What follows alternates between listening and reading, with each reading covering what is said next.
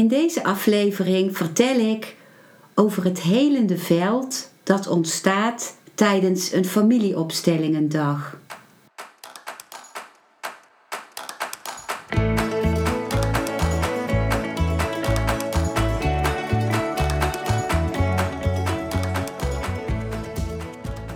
Welkom bij een nieuwe aflevering van Modita's podcast Van Pijn naar Zijn.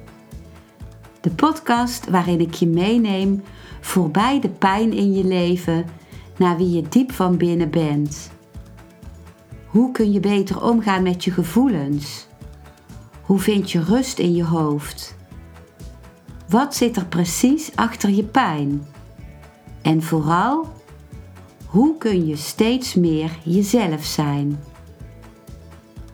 Adem eens diep in en uit.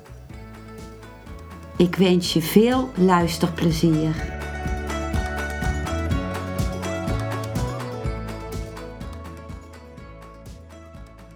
Ik begin met de woorden die ik ook gesproken heb in het filmpje op mijn YouTube-kanaal Modita van Zummeren met dezelfde titel als deze aflevering.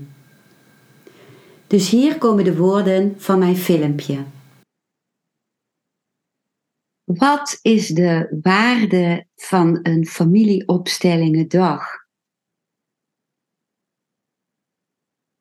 Er zijn namelijk ook individuele opstellingen die je kunt doen en die ook hun eigen kwaliteit hebben, ook een hele waardevolle kwaliteit, met eigen voordelen. Maar de familieopstellingendag heeft op een ander gebied een extra waarde. En dat is sowieso dat, dat we als we op zo'n dag komen, waar ik altijd weer naar uitkijk, omdat het zulke mooie dagen zijn, die ik geef in Eindhoven en, samen, en met, samen met anderen meemaak. Als wij samenkomen, dan komen al onze familiesystemen bij elkaar.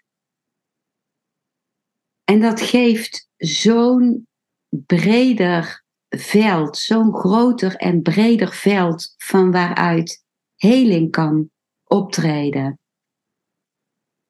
En het geeft ook een veel dieper begrip van anderen en van de wereld en vanuit hele nieuwe stukken van jezelf. Als je ook de dynamiek ontmoet van de familiesystemen van anderen.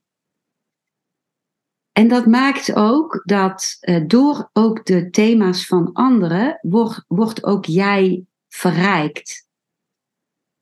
Want elk thema van elk mens komt ergens in ons familiesysteem voor, al is het generaties terug. En juist die dingen van heel veel generaties terug zijn vaak van generatie op generatie doorgegeven. En het kan dus zijn dat iemand een thema inbrengt wat helemaal niet jouw thema is, of lijkt te zijn, maar wat een deur in je opent naar dat verborgen thema uit jouw systeem. Heel vaak zeggen mensen uh, van wie niet het eigen thema is opgesteld, dat ze zoveel meer hebben ontvangen op zo'n dag als ze ooit hadden kunnen denken. Omdat er juist vaak blinde vlekken geopend worden. Het thema wat we voor onszelf uitkiezen is vaak heel beperkt. En daarnaast is het prachtig om deel uit te maken van het energieveld dat we samen vormen. Het is zo mooi dat ieder komt met de intentie om te kijken naar uh, verstrikkingen binnen het familiesysteem, die je beïnvloed hebben en nog steeds beïnvloeden. En om te kijken naar iets wat ruimer is dan je eigen persoonlijke uh, worsteling waar je mee zit. En die intentie, die van iedereen hetzelfde is, die bundelt de krachten, die bundelt de intentie. En dat vormt een heel krachtig veld. En dat geeft ook een gevoel van verbondenheid met elkaar. En dat gevoel van verbondenheid, dat opent weer ons, wat ik het sociale zenuwstelsel noem. De tak, de ventrale tak van de nervus vagus, van de zwervende zenuw, die zorgt dat we ons verbinden met onszelf, dat we ons verbinden met anderen, dat we ons verbinden met de natuur en dat we ook open en nieuwsgierig kunnen zijn. Het opent iets in ons. Het opent ook ons hart. Omdat als je ook uh, mensen vertegenwoordigt uit het systeem van een ander, dan opent je hart zich. Je krijgt meer begrip voor zoveel verschillende situaties en voor zoveel verschillende mensen. Dus het kan zijn dat jij bijvoorbeeld staat voor een moeder van iemand en dat je daardoor plotseling je moeder beter begrijpt. Of dat je staat voor iemand die een abortus heeft meegemaakt en dat je daardoor jezelf of je partner of je moeder die een abortus had of je tante of je kind beter begrijpt. En dat is zo'n geschenk. En je bent in de gelegenheid om heel veel verschillende posities te vertegenwoordigen. Dus om, je, om te mogen voelen een positie van een ander. Via jouw eigen lichaam, via jouw eigen systeem. En daarnaast is er ook op zo'n dag uh, genieten. Genieten van alle lekkere dingen op de tafel, achter in de ruimte. Genieten van de stilte. Genieten van een dans die we soms tussendoor doen. Genieten van ook humor. En genieten ook van de meditatie. We eindigen met een meditatie van een uur. En heel veel mensen denken, oh dat is echt heel lang om te mediteren, een uur. Maar het is niet alleen maar zitten en uh, stil zijn. De meditatie, het is een Osho-meditatie, begint met een actief gedeelte, bijvoorbeeld met dans of met uh, shaken of met uh, geluid maken. En dan kun je een stuk ontladen in die beweging, in dat geluid. En kom je in de latere fase steeds meer bij de ruimte in jezelf van stilte en van rust. En de meditatie eindigt met liggen en niets doen. En die meditatie van een uur die zorgt ook dat je alles van die dag kunt integreren en dat je weer terugkomt bij het anker in jezelf, bij de kracht in jezelf, bij de wijsheid in jezelf, bij het kunnen gadeslaan vanuit jezelf.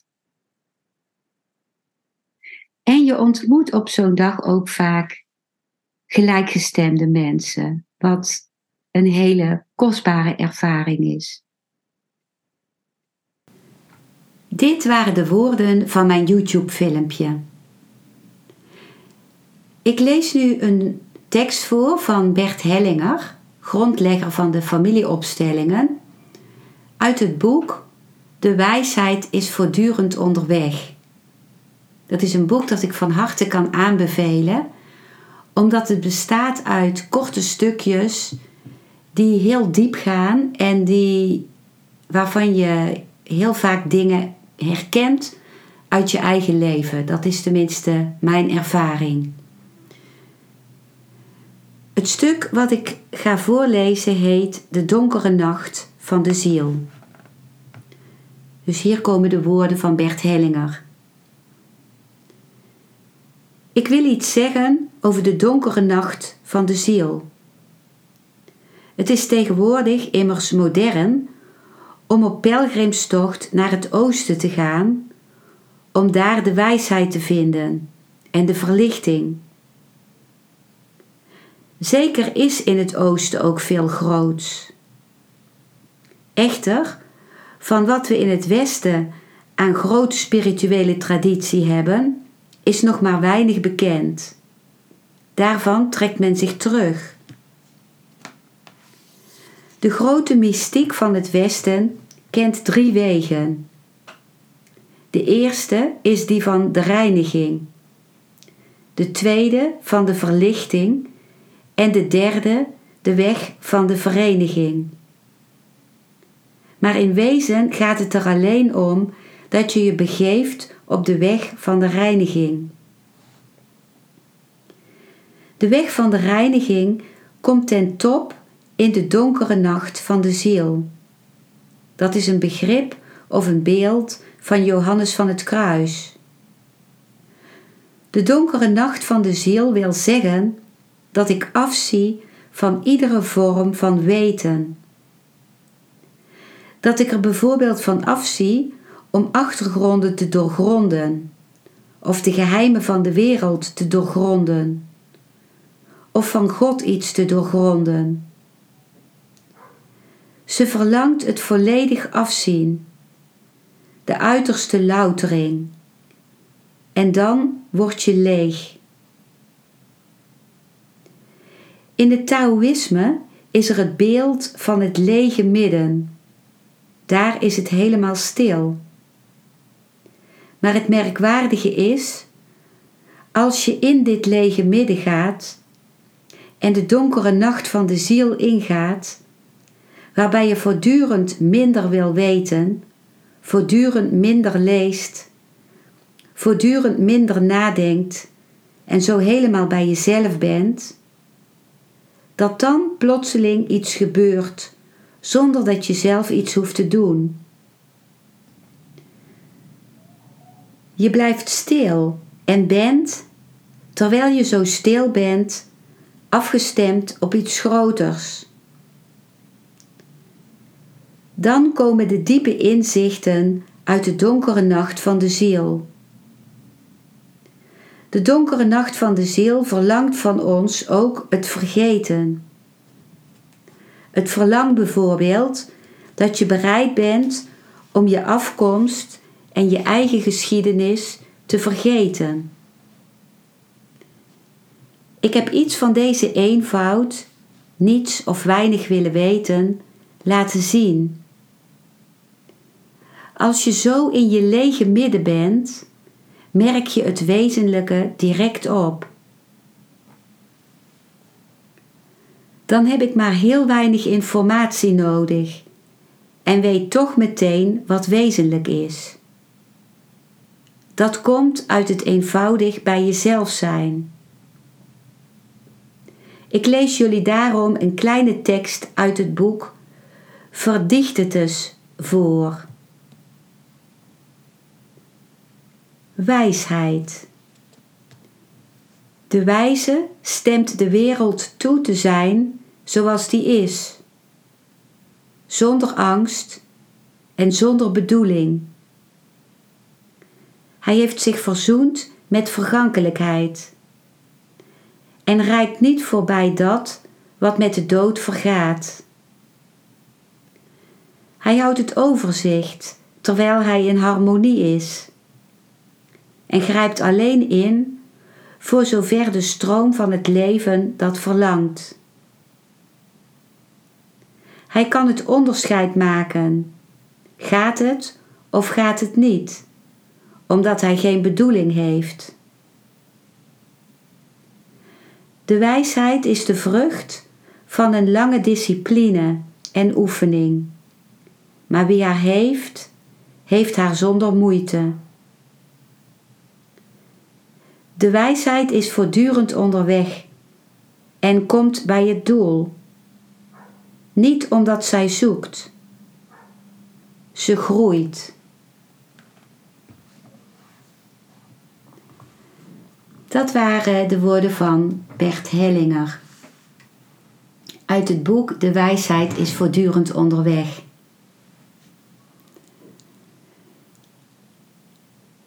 Ik wil je van harte uitnodigen van, uh, als je je daartoe aangesproken voelt, tenminste uh, ook in wat ik verteld heb in deze aflevering, bij een van de familieopstellingen dagen die ik geef in Eindhoven. Dat is behoudens uh, de zomer, of behoudens een vakantie van mij, eens in de drie weken op een zaterdag of op een zondag van 10 uur s ochtends tot 5 uur s middags. Met een middagpauze van een uur en een kwartier. En we eindigen met een Osho-meditatie van een uur. Je bent van harte welkom op mijn website www.genietenvanmeditatie.nl. Vind je meer informatie daarover. En als je je op wilt geven, dan is het fijn als je dat uh, iets langer dan een week van tevoren doet. Het, het kan ook op het laatste moment, maar als je het iets langer van tevoren doet, dan weet ik of er voldoende mensen zijn die mee willen doen. En dat heb ik weer nodig om de ruimte te kunnen huren. Het is een prachtige ruimte die ik daarvoor huur. Misschien tot ziens. Dankjewel voor het luisteren naar deze aflevering. Ik hoop dat hij je een nieuw inzicht of perspectief heeft gegeven.